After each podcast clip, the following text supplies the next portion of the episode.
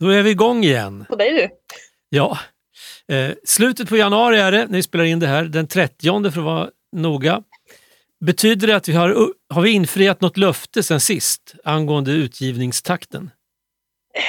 Alltså jag tror att vårt löfte senast var efter nyår, vilket det är. Ja, Det är hela året faktiskt, fram till 31 december. Och sen, jag tror, jag vet inte om vi sa det i sändning, men vi hade nog tänkt så här, någonstans kring 13-helgen kanske, men det hanns inte. Så att, eh, nej, just det. Då var men inte- men ehm, det var- efter nyår är det. efter nyår är det definitivt och det är fortfarande alltså det är innan, innan februari. Mm. Så det är bra. Det betyder att nästa avsnitt kommer att komma innan mars. Exakt. Det kan vi lova. Någon gång i februari. Ja, någon gång i februari. Ha, vad har hänt sen sist då, Johanna? Eh, jag har eh, tagit tag i mitt filmrecenserande Härligt. och dessutom tagit ett lyssnartips. Oj! Oj, oj, oj, oj, oj. Kommer du ihåg det? Vi fick ju en hel drös med tips där Ja. Men det var ganska länge sedan. Men det har liksom inte... Vi har ju inte poddat på ganska länge först och sen när vi väl kom igång så var det så här, oj, vi måste göra en massa annat. Mm. Så, men nu, nu ska jag skärpa till mig tänkte jag. Ja, det betyder också att om man känner som lyssnare att man vill dela med sig av några tips vad det gäller antingen filmer för dig att titta och recensera på eller andra tips som har bäring på det vi gör här i Motorcykelradion, då kan man ju skicka ett mejl. Brum brum, Snabel A. Motorcykelradion. Punkt. SE. Ja, där satt den. Ja. Ja, nej men för det där är ju grejen att det, det här tipset som vi fick då kom ju in för ungefär fem miljoner år sedan. Men grejen är den att jag har en lista och saker raderas inte därifrån för jag har kollat vad det är för någonting. Det är bra. Ja, så att om man skickar in och så hör man ingenting på några veckor så hold your horses. Det, det står på listan. Det betyder inte att förslaget var töntigt. Exakt, utan det, det står där tills jag har liksom eh, tagit beslut om att titta på eller inte. Och eh, om jag bestämmer mig för att titta på det så, så säger jag det. Mm. Och sen, jag har märkt det när jag har liksom letat efter motorcykelfilmer. för Jag trodde att det skulle finnas typ fem i världen. Sen skulle det vara slut. Men när jag letar efter sådana här väldigt eh, nischade små motorcykelfilmer. Då dyker det upp en massa förslag på andra motorcykelfilmer. Så att den där listan bara byggs på. Den blir bara längre och längre. Algoritmerna som har upptäckt dig. Oh ja. Ja. Att, Men- eh, det- Jag har en ganska lång lista nu. Serier också. När jag har suttit och tittat runt lite på diverse blandade såna filmer på olika strömningstjänster under vintern så dyker det upp filmer som jag ibland tänker, jag undrar om det här räknas som en motorcykelfilm. Mm. Du vet, för det, det är inte sällan som en motorcykel spelar en roll i en film. Nej, Någon, någon karaktär kommer åkandes på en motorcykel i början på film, då förstår man lite grann vad det är för typ av människa. Ja. Alltså på samma sätt som att om man visar någon som kliver ut ur en brun Volvo 245, alltså en Volvo kombi i början på en film, då vet man att det kommer att gå ett helsike för den här personen ganska snart. Det kommer att komma zombies eller eh, skumma typer och bära sig åt med den här människan. Men precis. Jag har ju råkat recensera någon sån film som var lite såhär, okej det här kanske inte var en motorcykelfilm. Det råkar bara vara några motorcyklar med. Men eh, ribban är ganska låg för Mm. vad jag ska recensera. Men jag kan ju, utan att göra en recension, utan för att klampa in på ditt område, berätta. Jag såg en ganska schysst film på tuben här för ett tag Mm. sedan. Min fru tyckte, hon undrar, håller det fortfarande på? Är det samma film? Men hur länge kan man sitta och titta på det där? Alltså det var någon slags dokumentär från, från USA när de körde ett, ett rally längs Route 66 rakt genom hela Mhm. USA. På, det ingen motorcykel var nyare än 1955 eller något sånt. De flesta verkar vara Ja. från 30 och 40-talet. Eh, och och det, det var jättekul att se faktiskt. Det var gamla hojar och skramliga och alla gick ju sönder hela tiden. Såklart. Men, men det var den här känslan av att åka liksom och samlas på bensinmackar och dela med sig av vad som har hänt sen sist. Och, Ja, Ja, den, den var, jag tyckte, trots att min fru ifrågasatte hela upplägget med mig i tv-soffan den eftermiddagen så tyckte jag det var en bra film. men vad eh, hette den då? Ja, det var ju någonting med Cannonball, Eh, jag tar reda på vad den hette och så lägger jag ut det på, på hemsidan.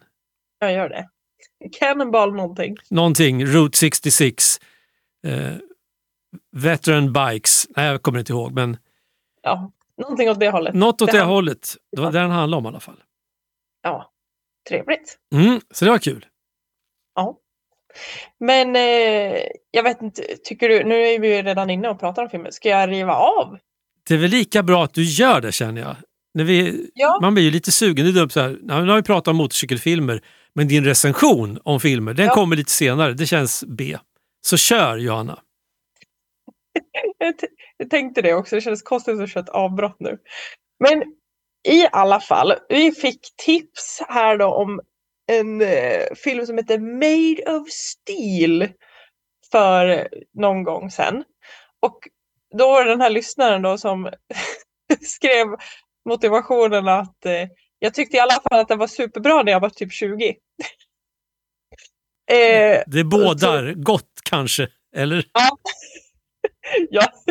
Jo, men det bådar, det bådar faktiskt gott. Det som var lite förvirrande, det var att jag, alltså jag hittar verkligen inte den här Made of Steel någonstans. Eh, jag tyckte det var skitsvårt att hitta, men sen visade det sig att den har tre titlar. Tre alternativa titlar. Så Okej. att Made of Steel verkar vara Directors Cut. Du vet, lite Mm. längre, lite Ja. flashigare. Eh, annars heter den Beyond the Law eller Fixing the Shadow. Snar, snarlika titlar. Oh ja, Inte. det var, det var, det, det var ju ett litet minuspoäng att det var, det var så här, vad heter filmjäveln? Jag vet inte. Det, det tog alldeles för lång tid och du vet så här, jag har ganska många streamingtjänster och så fick man gå in och söka på tre olika titlar på varenda streamingtjänst. Och jag har inget så här smidigt litet tangentbord utan jag har en sån här liten dosa som man får liksom sitta och trycka säkert tio gånger för att komma till en bokstav och så OK och så tio gånger till nästa bokstav och så OK. Så det, det tog lång tid, men i den sista appen jag hade, då var det SF Anytime då. Där gick den faktiskt att hyra Och vad hette den Under- där? under namnet Beyond the Law. Men, men sen när, när, du vet, så när man startar filmen så kommer ju titeln upp. Då, st då stod det Beyond the Law, Fixing the Shadow, Made of Steel. Jag bara, men vilken är det? Ingen vet. Det var, ja, det var lite förvirrande. Det är kul när de gör en uppföljare till den filmen sen. Vad ska den heta då? Exakt. Ja, nej men det här är en film från 93 i alla fall. Eh, och den har ju en, en stor filmstjärna i sig va? Charlie Sheen spelar huvudrollen. Okej. Oh ja, du hör ju Ja, att det här, det kan inte bli annat än bra. eh, likt väldigt, väldigt, väldigt många andra filmer, alltså det känns som att om det ska vara en motorcykelfilm så det, bör, det känns som att nästan alla handlar om en polis som ska gå undercover i ett mc-gäng för att typ haffa knarklangare. Och det är precis det den här handlar om också. Eh, och så ska han då eh, han heter Daniel Saxon, alltså Charlie Sheen då, som ska infiltrera eh, gänget som heter Schakalerna. The Jackals. Och så ska han då eh, få tillit och sådär från gängledaren som heter Blöd. Som spelas av, jag vet inte hur man säger det, Michael, Michael Madsen heter han så. ja det lät Också ganska, ganska kändis. Ja. Ja. Och då för att Mikael liksom Madsen. Dansk? Ma- Madsen. Madsen. Madsen. Jag får fan. ja, det var inte dansken utan det var en amerikan Alltså. Okej. Ja, Jag tar är allt. Mikael Madsen utan det var Michael Madsen. Ja, men då, då var det rätt uttal. Det var jag som Mm, ja. hörde fel. Ja, ja det var, jag, jag trodde också att det var dansken först när jag kollade på rollistan innan jag hade sett filmen. Men eh, i alla fall, för, för att liksom få den här gängledarens tillit så måste han begå brott. Vilket han egentligen inte får göra för att det har de sagt klart och tydligt i början när han blir anlitad och, och får det här jobbet. att så här, Do anything it takes but breaking the law.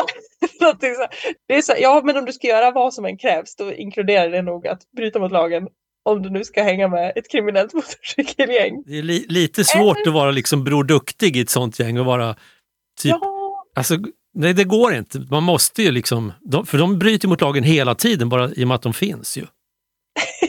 ja, men lite så. Det, det var väldigt så här, ja men du vet, eh, eh, over the top, väldigt så här överdrivet. Typ så här första gången han träffar det här motorcykelgänget och så ska de ha något så här MC-bröllop. Och de, de bara hotar ju varandra fram och tillbaka. Det blir, ja, de spränger lite dynamit och det, ja men du vet. Du, jag du fattar, hör. jag hör, jag Ja. hör. Men alltså om man ska, om man ska liksom dra några sådana här grejer som om man tycker om montage, filmmontage, då kommer man tycka om den här filmen. Jag tror att det var säkert fyra stycken separata montage. Liksom utpytsade och lite så här. Nu ska vi bygga motorcykel här i ett montage och sen nu ska vi byta så att eh, han inte ser ut som en välborstad polis till att han ska se ut som en MC-knutte. Alltså mass, massa sådana liksom utöver hela filmen. Så att det var ju lite kul om man gillar sånt. Eh, annars så var det så här väldigt eh, i början så kändes det så här jättekonstigt. Det var väldigt många så här orimliga möten, väldigt så här snabba, korta liksom träffa en massa folk som kände som att men vad är det här? Men sen i slutändan så visade det sig att typ alla möten han har gjort hade liksom ändå någon betydelse. Så att det, kände, det var liksom inte i onödan ändå. Men det var väldigt så här korthugget och det var så här stela, konstiga interaktioner. Du vet, så här, du vet, vi bru- brukar tycka om att prata om att dialogen var ganska onaturlig. Men det var en annan tid i filmskapandet, kanske då.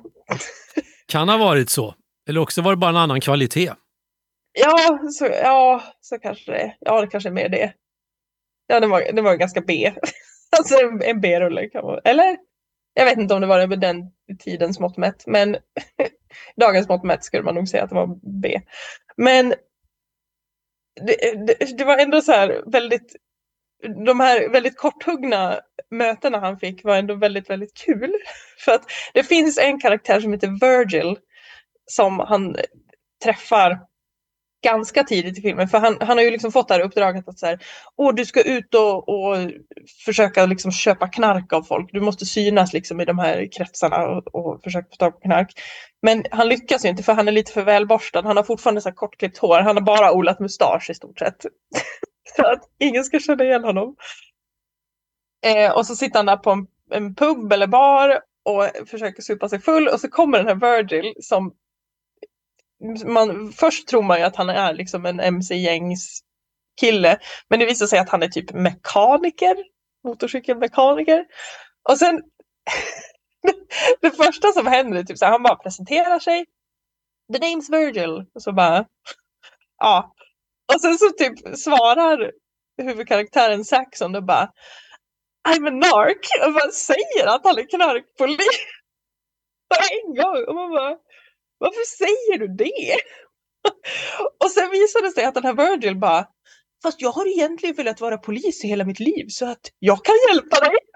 Men han verkar också vara kriminell.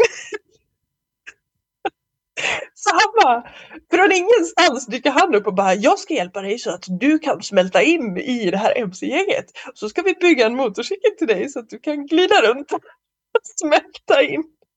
Det är så här jättekonstigt. Men, men Virgil, han är typ den bästa karaktären i hela filmen tycker jag. För han är väldigt så här en så kallad comic relief. Alltså han, är, han är bara så här rolig hela tiden. Han, ja, men, när han är glad så dansar han lite grann och ska vara liksom lite putslustig jämt och är ganska trög. Alltså han fattar inte.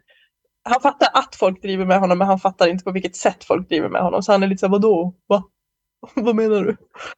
Eh, så han är väldigt kul. Och sen, sen har de en liksom, liten egen ceremoni, Virgil och Saxon, då, att när han får en liten polisbricka, men det är väl liksom, jag vet inte om man typ köpt den på någon affär eller det är en liten, liten stjärna som man får bara, nu är du sheriff också, så att vi jobbar ihop.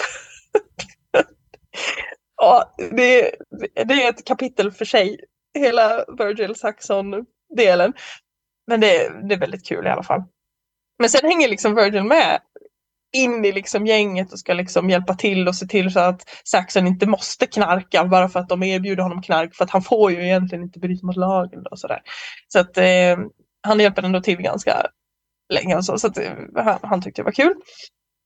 Eh, mycket så konstiga delar. Att så här, det, är, det är en kvinna som är med här också då ska, ska vara typ någon dokumentärfilmare av något slag eller fotograf som ska liksom också hänga med det här motorcykelgänget som bara hon bara är där och fotar folk.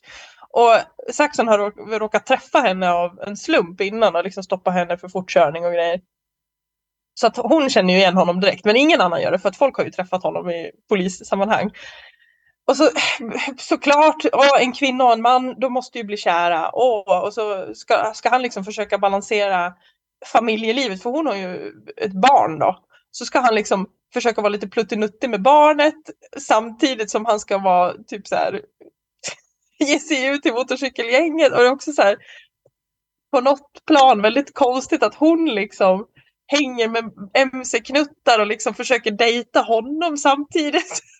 så här, eh, det, ja, det är bara en märklig relation överhuvudtaget. Det var jättekonstigt allting.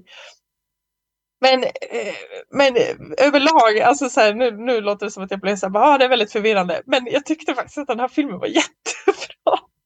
Den var jätterolig.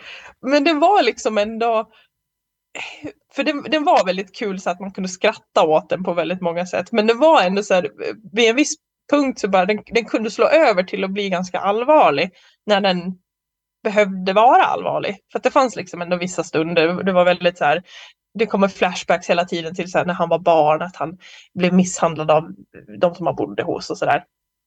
Eh, och, och sen liksom mot slutet, liksom, eh, jag ska inte avslöja slutet, men det blir liksom en, eh, en upptrappning på slutet som är väldigt så oj, vänta nu, nu blev det väldigt allvarligt.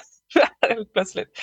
Men jag tyckte ändå att eh, de övergångarna, även om de kom väldigt plötsligt, så tyckte jag ändå att de var ganska bra ändå. Tyckte jag nog. Mm. Eh, och sen vet inte jag, det kändes ju som att vissa luckor kanske hade kunnat fyllas lite bättre. Men vad vet jag, det finns ju en Directors Cut uppenbarligen.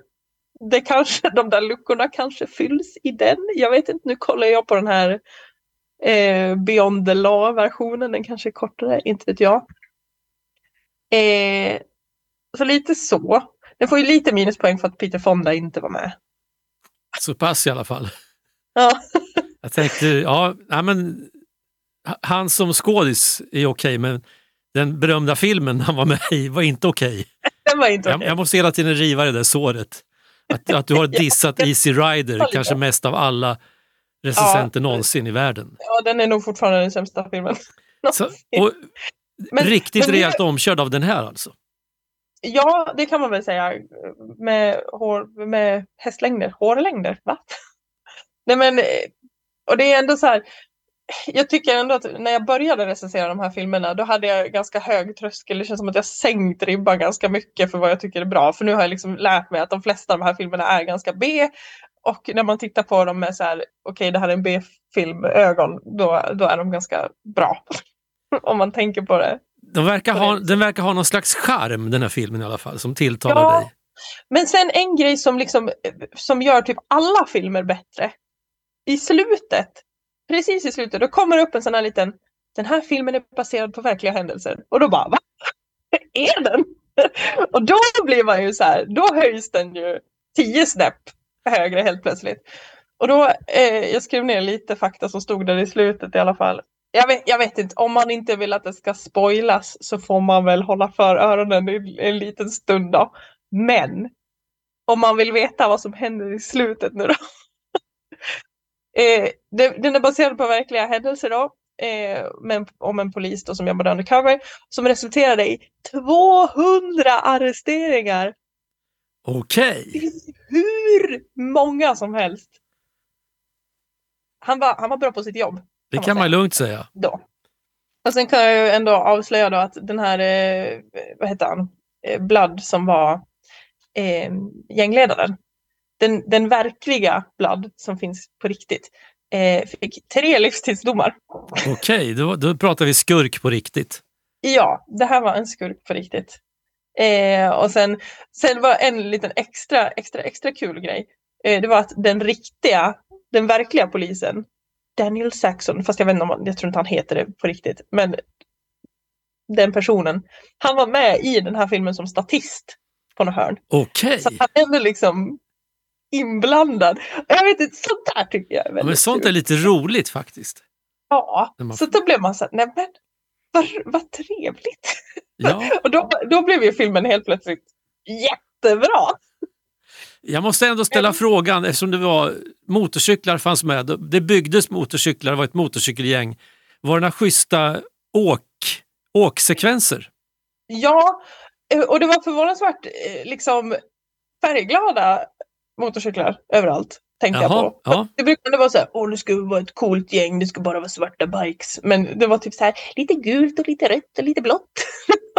det var mest glidar, glidarhojar, det mesta. Men det var ändå inte, inte överdrivet många åkarmontage, men några stycken. Eh, ja men du vet så här långa korteger som åker på snirkliga vägar. Ingen hade hjälm. Nej, men det, det, är vikt, det är viktigt i sådana här filmer att ingen ja. får hjälm. Ja, men de, de hade ju ett montage där när de byggde en motorcykel, den här mekanikern Virgil och eh, Saxon byggde den ihop. Den var väl väldigt fin. Den var blåsvart. Någon glidare historia det också. Jag vet ju inte vad det är för sorter. Mm, jag vet inte. De var, de var fina och blå. Något som jag tycker drar ner såna här åkscener, det är när, de, när de sitter två stycken åker och håret står på ända och det är filmat framme de sitter och skakar och sen vänder de sig mot varandra och snackar om vilken väg de ska ta. Eh, var det med något sånt? Nej, faktiskt inte. Jag tror inte de pratade någon gång när de liksom satt på motorcyklarna alls. Men de såg ju väldigt eh, coola ut. Tänk dig liksom Charlie Sheen med eh, hockeyfrilla. och så där runda glasögon. Som, så, alltså de hade någon så konstig attiralj här mellan ögonen så de liksom satt ihop jättemycket. Skitkonstigt. Han var ändå liksom dedikerad i, i sin roll som så här, nu ska jag smälta in här i MC-gänget för han typ så här, tatuerar sig för att passa in. Jättecool. Och så hade Virgil fixat en sån där bikerjacka åt honom där det stod liksom något påhittat i gängnamn. Och sen bara, men du är för ren så vi måste smutsa ner den. Så då ställde han sig och typ pissade på kläderna. Bara, nu är det tillräckligt smutsigt. det är bra. Ja. Förstår du varför jag gillar Virgil mest? Han var ju rolig. Ja. ja men det här ja. låter ju nästan som en film som, som jag skulle vilja se. Ja. Vilket, vilket namn rekommenderar du att jag ska söka på för att få störst chans att hitta den? Beyond the Law. Beyond the Law. Eh, kan man väl ändå säga. För det, det som jag kände ändå liksom fattades lite grann för att den här Fixing the Shadow, det var så här, man fatt, så här, Beyond the Law-namnet fattar man för att det är så här, ja men hur långt bortom lagen måste han sträcka sig för att, oh. Made of Steel är väl också lite så här, ja hur tuff måste han vara, bla bla. Fixing the Shadow var så här, vad betyder det här? Va? Och när man tittar på filmen så förstod man ändå lite grann, men det var liksom också en sån där del i filmen som kändes början så träffar han en ursprungsamerikan. Du hackade lite där så att du får ta om från, det var en del i filmen, det försvann du. Ja, det var, det var en del i filmen som, som man hade velat veta lite mer om, som liksom ändå hörde ihop med den här titeln Fixing the Shadow. Som var, i början så träffade han en ursprungsamerikan som pratade om någon så här gammal legend om någon man som liksom tappar bort sin skugga och måste få tillbaka den på något vis.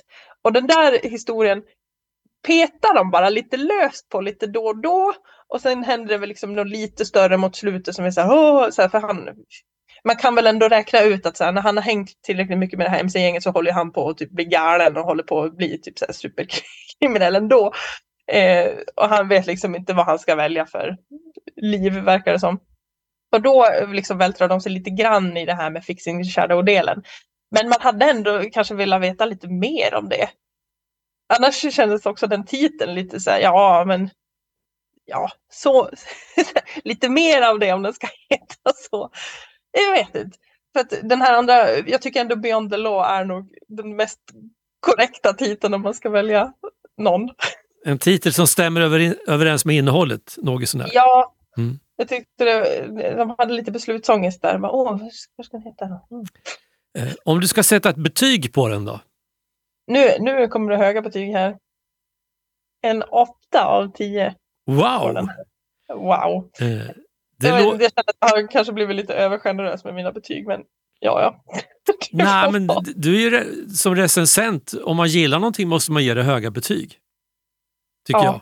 jag, ty- jag tyckte ändå den här var bra. För det här är ändå en sån där film som jag känner typ att den här skulle jag faktiskt kunna titta om på. Av de här andra filmerna jag har sett, då är det ändå så några stycken som är så här, ja de kanske fått höga betyg och var väldigt kul, men jag vet inte om jag kommer se den igen. Men den, den här är så här, ja, varför inte? Nej, men det, det kan man ju också tolka som att då var inte filmen rakt igenom övertydlig i allting från dialog till handling utan att det finns något lager till kanske. Ja, det känns som att man kanske fattar lite mer. Ja, men typ med den, den här grejen som jag pratade om nyss med, med hela skuggbiten. Jag vet inte, jag kanske missar någonting. Jag, kanske, om jag tittar på den igen så kanske man fattar ännu mer och liksom kopplar ihop saker. Så det, ja. Och så kanske man ska försöka hitta den där lite längre varianten då. Om det finns någon. Ja, Director's cut. Director's cut. Spännande får man väl ändå säga. Ja. Med, Ja, film, men det- med filmtips och filmer. Mm. Jag ska snoka rätt på den där och sätta mig och kolla någon dag. Gör det. Någon dag när jag deppar över bakslag i vädret. ja, då kan du titta på den. Då kan man behöva en film. Oh, ja. Ja, för annars så jag kan säga så här, just nu på de här breddgraderna så i morse nu när jag gick ut tidigt, eh, klockan var ju bara strax efter sex när jag stack ut Mm. näsan, då var det lite sån här föraning av vår i luften. Mm. Alltså här på de här breddgraderna, det har ju varit- vi har haft jättemycket snö och det har varit kallt men all snö försvann i slutet på förra veckan och i helgen. Och nu har det varit plusgrader några dagar så att det här översta lagret i gräsmattorna börjar på att tina. Och då luktar det lite så här eh, syrligt, sötsurt på något sätt. En väldigt speciell doft. Så är det dimmigt och disigt idag. Så, att, eh, så hade det inte varit för att det är total isgata på gatan utanför, då hade jag nog nästan känt att och läge att i alla fall eh, ta en liten sväng, men det går inte. Jag kommer inte ut. Nej, men ett- snart. Men snart. Och ett annat sånt där vårtecken, det var ju nu i, i helgen som gick precis. Motorcykelmässan i Stockholm, i Älvsjö. Mm. Det är ett sånt där riktigt vårtecken. Så även om det är nordanvind och bottenfruset när man knatar in där på mässan och man håller halvt på att frysa ihjäl för man lämnar alltid ytterkläderna kvar i bilen för man är för snål för att betala den här garderobsavgiften och så vill man inte stå i kö när man ska hem sen. Utan, eh, så då fryser man halvt ihjäl när man går in och halvt ihjäl när man går tillbaka. Så är det ändå liksom, nu är det vår i luften. Känslan. Mm. Och som sagt, jag var ju där i lördags och lördagarna på de MC-mässorna är alltid den mest besökta dagen då det är mest folk. Vi brukar försöka åka på fredagarna men av olika skäl gick inte det. Och då kände jag, det, var, och det har inte varit någon mässa sedan 2020, liksom. det har ju varit pandemier och skit emellan. Eh, och då tänker man så här, men nu har de väl bullat upp, nu är det väl riktigt, riktigt sådär, nu är vi här igen-känsla, liksom. fyrverkerier och man tänker att det borde väl stå någon och börna lite innanför entrén där, redan där. Ungefär som på båtmässan, då står det en gubbe och spelar dragspel när man kommer. Spelar sån här vals och man känner, åh, det är dans på Brännö brygga liksom. Men- Kul att du likställer eh, valsspelande dragspel med burna, Ja, men, ja, men jag tänker, det är väl same liksom- same, but different. Hur som helst så var det, ing, det var varken dragspel eller, eller burnout. Man kom ju an rätt av det så var vi bara inne liksom i den här stora A-hallen. Och säga vad man vill om Älvsjömässan, om några år finns den inte kvar. Det ska byggas bostäder där så att hela mässområdet ska, ska försvinna som just mässområde. Mhm. Men den där stora A-hallen den är ju stor men den är lite tråkig. Det är liksom en stor rektangel. Det är som en avlång jättestor, kanske två till och med fotbollsplaner efter varandra. Mm. Så det är inte så spännande ytor och jag håller nu på att ta höjd som du kanske märker för att det var inte en sån jättespännande motorcykelmässa. Vad synd. Ja, Gud vad, vad ja så här, jag sökte en mässa, fann en folksamling och jag är besviken. Lite så var det. Eh, Och ändå så var ju kanske folksamlingen det roligaste. Alltså alla dessa knuttar från i stort sett hela Sverige. Som vi sa när vi käkade den högt överprissatta och inte så goda pizzan. Att tittade vi oss runt omkring och sa det är de här vi vinkar åt på somrarna. Vi såg alla Mhm. satt runt omkring där. Och det är lite kul att tänka sig att, att det är dem. Ja, att- men precis. så Liksom. Ja, alltså det var en gedigen samling knuttar, men själva med, jag tycker det var lite tråkigt till exempel i montern. Nu kan det vara också för att jag inte är på jakt efter en ny motorcykel som inte kändes så flashigt. Alltså jag vill ju ha puker och trumpeter och lite färgglada banderoller, alltså sånt där fest. En scen där det står något rockband och lirar och rökmaskiner och såna där grejer. Och några dårfinkar som kör motorcykel på framhjulet. Sånt i den där uppvisningsarenan. Men där var det mest provkörning av elmotorcyklar. Och det är väl kul om man ska skaffa en sån, men det var inte så spännande att titta på. Mm. Eh, så då. Men sen tyckte jag att de här utställarna hade gjort det lite för lätt för sig. Eh, de, alla nyheterna fanns ju där, motorcyklar och de, nu för tiden får man ju sitta på alla hojar. Eh, för, för bara några år sedan då var det jättevanligt med en liten, de hade spänt ett, ett snöre liksom över, över motorcykeln och så en skylt “Sitt ej” utan att fråga om lov. Jaha. Men nu är de ju liksom fastskruvade i backen på något sätt så att de inte kan välta. Då. För klart, risken är väl att folk sätter sig på en hoj, petar undan stödet och sen tappar den och det är inte så kul. Så att man får ju sitta på allt i princip och titta på allt såklart, men och så är det en liten sån här informationsskylt där man ser att oj, även den här cykeln kostar en kvarts miljon. Det var ju tråkigt. Och så står det massa info om hur stark den är, vad den är för däcksdimensioner, sitthöjd och såna grejer, hur mycket den väger. Men så här, står det, vill du veta me- mer? Scanna QR-koden. Och där känner jag att det där borde vara förbjudet på en mässa när man är här och nu. Att folk ska liksom tvingas att plocka upp sina mobiltelefoner och scanna en QR-kod för att läsa liksom på mobiltelefonen om sånt som man borde få reda på när man är där. Annars kan man lika Mm. gärna sitta hemma och scanna koder, tänker jag. Ja, jag fattar. Ja, det ska väl finnas folk där och prata. Ja, jo, men, och det fanns väl folk i montrarna men det, det kändes inte som att det var jätteöverbemannat i de här montrarna. Eh, men det kan ju också bero på att det var så väldigt mycket besökare så att hade de tre representanter så kanske de var upphookade av någon. Eh, så att eh, det var väl ja, men lite sådär... Ja, nej, jag var inte riktigt sådär euforisk när jag gick därifrån. Inga klistermärken. Jag tycker det är kul att få klistermärken, det hittar jag inte någonstans. Eh, Honda bjöd på fantastiskt goda karameller. Det ska de ha plus för. Såna här hårda karameller med liten... När man sög på dem så efter en stund så kom det ut något göttigt innanmäte som var... Jag tror det var hallonlakrits. Nej, så gött. Ja, det var, det var, ja det, det är fint. Och så plus för att det inte var såna här sega rackare där man tuggar sönder plomber. Mm. Så, att, nej, men så det, det, var ju, det var ju bra. En annan bra sak, då, jag måste ändå plocka ut några bra grejer, det var att en av de stora hjälmtillverkarna var där med en monter där de hade hjälmar av rätt många modeller i alla storlekar så att man kunde prova. Eh, och jag är i begrepp kanske eventuellt att köpa en ny hjälm till den här säsongen. Jag vet inte än riktigt. Den, den sjunger väl lite på sista versen, min kruka, men den är så frän så att jag vill ha, ha den kvar bara för det. Men då provar jag, för den har, den har kommit i en ny version nu då. En, men två... Alltså just den med, med Just- det mönstret. Ja, nej, inte det mönstret, det finns inte. Men det finns andra fräna mönster. Men just den hjälmen finns i en version 2. Eh, uppdaterad på alla punkter. Så jag var tvungen att prova den. Liksom. För då kan man köpa den varifrån som helst. I och med att de sålde ju inte hjälmarna utan de hade den bara för prov.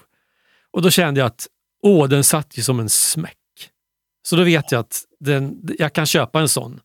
Oprovad till och med. Eh, om jag vill, för nu har jag provat den ändå.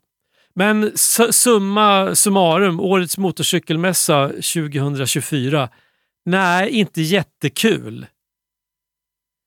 Om, det blir, om de återgår till det gamla formatet Stockholm, Göteborg vartannat år, då tror jag att Göteborg blir bättre. För Göteborg har oftast varit, varit lite roligare. Alltså, det är lite stökigare mässlokal, det är två våningar och framförallt så är det bättre mässrestauranger. Mm. Det ska jag. väl vara lite stökigt på en mässa? Jag eller? tycker det ska vara lite stökigt. Ja. Det, alltså, på något sätt. Jag, jag gillar det. Det är lite mysfaktor i det. Ja, ja, men visst. Sen kan jag väl tycka att Alltså man koncentrerar sig för mycket på teknik och nya modeller. Liksom. Ja, den här modellen har sju olika körlägen. Förra året så hade jag bara fyra olika. För mig, jag vill bara, för mig räcker två körlägen, av eller på. liksom, ja, men då, då är det sån här liksom, köra på asfalt i motvind och lätt regn, köra på asfalt i motvind och ösregn, köra på asfalt torrt, köra på rullgrus, köra i sanddyner. Alltså det är så många såna här knappar man ska trycka in. Hur man... Och så adaptiv farthållare på en motorcykel, det går bort för mig kan jag säga. Jag tycker ABS-bromsar är bra, men adaptiv farthållare, alltså då är det, det är inte så långt ifrån husbil snart. Motorcykel ska ändå vara, du måste ju, jag säger inte att det var bättre förr när, när det fann, knappt fanns bromsar, men ska, det är ändå liksom den här körupplevelsen man vill ha, inte trycka in en farthållare och sen, som jag såg en, på en sån här Youtube, jorden runt resenär som åkte på tråkiga vägar i Australien. Då hade han Netflix i mobilen på, på tanken liksom, och kollade film. Där, nu snackar vi filmrecension. Det kan man inte göra! Nej. Gud vad olagligt! Ja, fort, farthållare och Netflix. Varför åker han då motorcykel överhuvudtaget? Tänker jag. Oj, oj, oj. Oj, Ja. oj. Ja.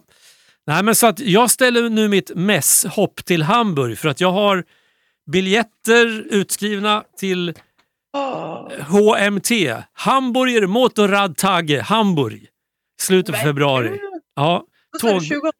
nej, 20, 23 till 25. 3 till 25. Mm. Så att jag har tågbiljett fixad, jag har bokat in mig på ett litet hotell och jag har entrén till mässan klappad och klar. Men du, ska du åka med någon eller åker du? Nej, jag åker själv. Mm. Eh, själv är bäste dräng. Nej, men jag, jag erbjöd en kompis att följa med men han, han bangade lite för själva tågresan. Mhm. Han tyckte det verkade... Han, vi, hade, vi åkte han och jag till Hamburg förra året. Sittvagn hela natten fast det var ju ändå gick att bädda ner den till en liggvagn men han tyckte det var för obekvämt. Okej. Så att, eh, Ja. Det, här, ja, men jag, det här ska bli spännande. Dessutom såg jag när jag printade ut biljetten att det är inte bara en motorcykelmässa. Det är kombinerad motorcykel och tatueringsmässa. Kommer du hem med sådär face tattoos? Ja men precis, en dödskalle här på ena sidan. Ja, men precis. Jag, vill, jag förväntar mig inget mindre. Nej, nej jag, jag tror inte det blir någon tatuering men jag kan tänka mig att det blir ganska sevärt. Mm. Därför att tyska knuttar, min bild av tyska knuttar, de jag stött på i Sverige och även utomlands genom åren, det är att de är sevärda. Hur då? Ja, men alltså, de går ju, I Tyskland går man ju all in. Om du är intresserad av, av, av Sverige, röda stugor och sjöar, då lär du dig svenska. Till exempel, för att kunna åka på semester till Sverige.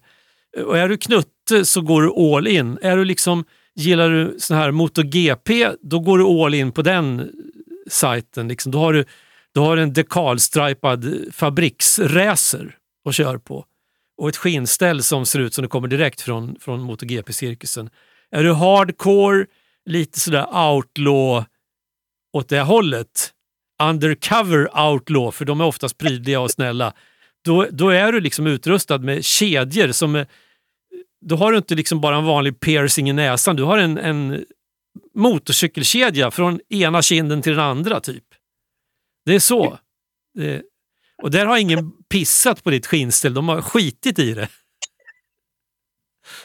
Och så, ja, men det, det, det är på riktigt. Liksom. Och så, Inte tillräckligt smutsig. nej. Så jag, jag, jag, jag förväntar mig liksom många tuffa typer med fräna tatueringar. Här som man tänker bara, hur tänkte du nu? Eller precis hur full var du när du gick med på det där? Lite Det så. är liksom målet att man ska tänka så. Ja, jag tror det. Nej, men så att det ska bli kul. Jag ser fram emot den mässan. Jag såg i och för sig lite fram emot Stockholmsmässan också, blev besviken. Men och jag ser fram jättemycket mot den här. Och risken är väl att jag blir besviken. Mm. Men jag tror inte att en öl på mässan kommer att kosta 105 spänn. Det är lite väl mycket va? Jag tyckte det var lite saftigt. Ja. Men eh, den här mässan som du ska på nu, har den också haft så här hade den någonting förra året eller hade den också varit så här coronauppehåll? I... Den hade nog uppehåll då under de kritiska åren men så jag gissar, eftersom den här går av stapeln i slutet på februari, att 2022 tror jag inte de hade någon. Men jag vet Nej. inte. Men 2023 vet jag att det finns. Det finns Mm. bilder på nätet från 2023. Så, att, så förra året Ja. var den. Ja, ja, jag förstår. Den största motorcykelmässan i Norden kallar de den. Mhm. Och jag vet inte om de menar med Norden, om de menar norra Tyskland eller om de menar Norden, alltså norra Europa. Ja, för att det är ju inte Norden, Norden. Nej, för jag betraktar, inte, jag betraktar inte Tyskland som en del av Norden. Nej. Riktigt så. Men Även vad spännande. ja, Kul. ja, men det ska bli kul. Så jag ska väl ta med mig min lilla inspelningsmojäng också, förutom kameran. Så kanske man kan få några, några ljud, några röster eventuellt från, från Hamburg. Motorrad Tage Ja. Hamburg. Det ser jag fram emot. Ja. Ja. Och sen ska jag berätta, vill du ha en uppdatering om mitt bygge? Ja, för vet du vad? När du, jag måste bara säga det, klämma in lite snabbt emellan. För att du skickade ju en bild när du var på den här mässan, motorcykelmässan i Stockholm. Mm. Så skickade du en bild till mig på en motorcykel. Ja, Och när jag bara kollade lite snabbt så tänkte jag, gud har han redan lackat om? Sitt eget bygge, det var någon vit historia. Var jag bara, oj, vad långt du har kommit. ja nej, men det var ju faktiskt en, en hälsning med lite finess till dig, den där motorcykeln. Men, men jag såg ju sen när jag skickade bilden att det, att det gick inte att se vad det var för en motorcykel. Nej, Så finessen försvann. Det var ja. en Royal Enfield. Vad var det för mässa? Royal Enfield. Ja, Du är lite jag, sucker jag för tyckte dem. den var jättefin. Jo, men det var en sån Royal Enfield Café Racer. Så att det där var ju någon som hade fixat med. Ja, den var väldigt fin, men jag blev lite så oj. Ja, jo, det nej, var men, inte den vägen jag trodde du skulle gå med ditt bygge.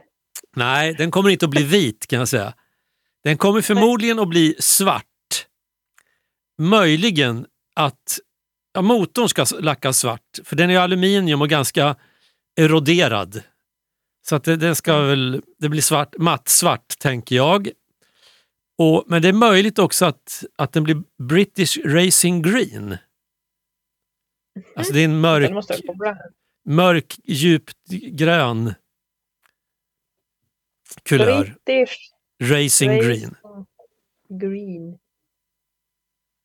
Jaha, det var lite, oh, det var en fin färg. Mm, men det, det är en häftig färg, jag gillar den. Men lite dj- djup, eh, gräsgrön fast lite djupare. Ja, precis.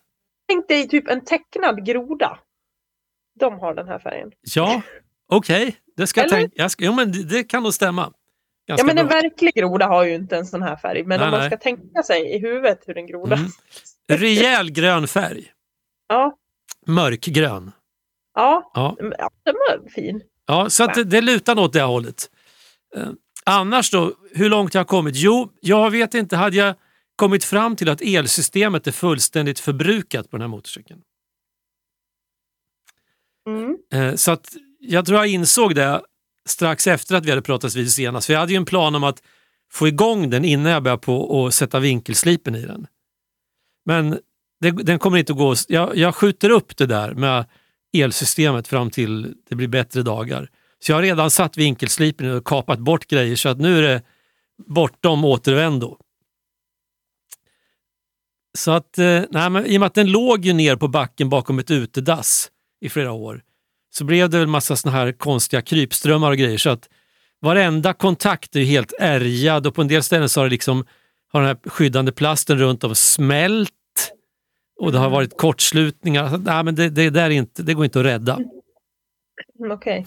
Så att jag kanske måste dra nytt elsystem här framöver. Oj, Oj! vad spännande. Ja, Har du det, gjort det för? nej, det har jag inte. Tänker jag, men hur svårt kan det vara då? Det är liksom lyse och blinkers, bromsljus och sån där spärr för, för stödet och så måste man ju också ha en, en sån där... Ja, men plötsligt blev det väldigt krångligt. Mm. Men då har jag sett på Amazon så finns det att köpa kabelhärvor till de här motorcyklarna färdiga Mm. för typ 300-400 spänn. För grejen är, den här Virago 250 den tillverkas ju fortfarande av Yamaha. Så det finns nya sådana runt om i världen, vilket gör också att det finns ganska mycket såna här eftermarknadsdelar till den. Mm. Så att, eh, vad kan gå fel? Skicka efter en kinesisk kabelhärva i vår. Det blir spännande. Ja, det blir spännande. Så att, eh, nej men det jag håller på med nu, jag var ju tvungen att köpa en liten svets, har jag berättat. Så jag håller på att lära mig svetsa nu också. Ja, hur har det gått då? Jo, men jag har, lyckats, jag har faktiskt lyckats svetsa ihop, jag matar ju fåglar, jag har lyckats svetsa ihop fågelmatningsburken. Jag har en liten sån där grej som ser ut som ett hus som jag fyller med frön och den där delas i två delar här i vintras. Då lyckades jag svetsa ihop de där delarna. Och då kände jag, nu har jag ju... Men annars går det väl inte jättebra. Alltså det kräver sin man att svetsa, men det är kul att försöka. Ja, Så att jag räknar med det där att... fixar du. Jo, men absolut. Ja, det blir jättebra. Jag tror, jag tror det blir bra. Eh, helt enkelt. Så att, men jag har inte sagt någonting till dottern än Ja, okej. om att jag inte kan svetsa och att elsystemet är totalt havererat men jag har lyckats såga bort grejer som jag inte kan sätta tillbaka. Ja, men det, det behöver hon inte. Nej, hon behöver, inte, hon behöver inte oroa sig för själva operationen. Inte Resultatet kommer bli bra. Jag tror det kommer att bli jättebra. Och så tänker jag att där i Hamburg kanske jag får en massa inspiration. För jag tror Ja. också att de kommer att visa upp jättemycket sådana hembyggen.